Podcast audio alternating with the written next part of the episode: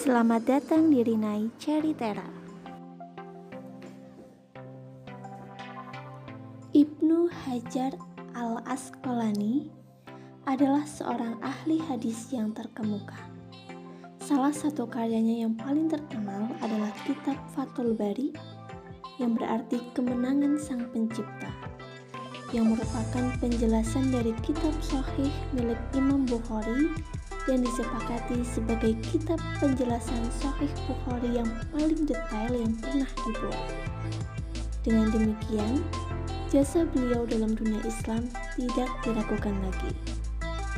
Beliau sudah hafal Al-Quran ketika usianya masih 9 tahun.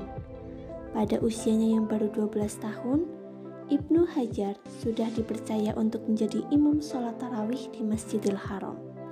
Sungguh sebuah tugas dan kepercayaan yang sangat terpuji dan mulia.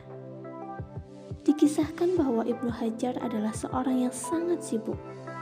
Hari-harinya diisi dengan berpetualang untuk menggali, mencari, dan mendalami hadis.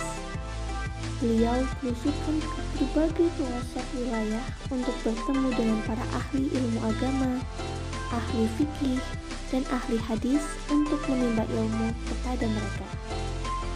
Namun, di balik kesibukannya, Ibnu Hajar adalah orang yang sangat rajin beribadah. Setiap malam, beliau selalu melakukan sholat tahajud.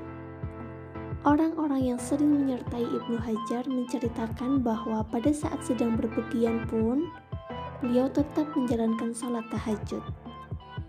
Kisah ketekunan Ibnu Hajar yang selalu menjalankan salat sunnah tahajud ini menjadi contoh nyata bahwa Allah kemudian mengangkat derajatnya pada tempat yang sangat terpuji.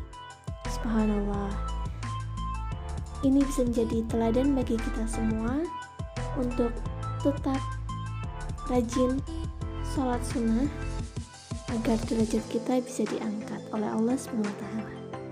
Ibnu Hajar al-Asqalani tokoh cerdas yang rajin sholat tahajud. Sampai jumpa di podcast selanjutnya.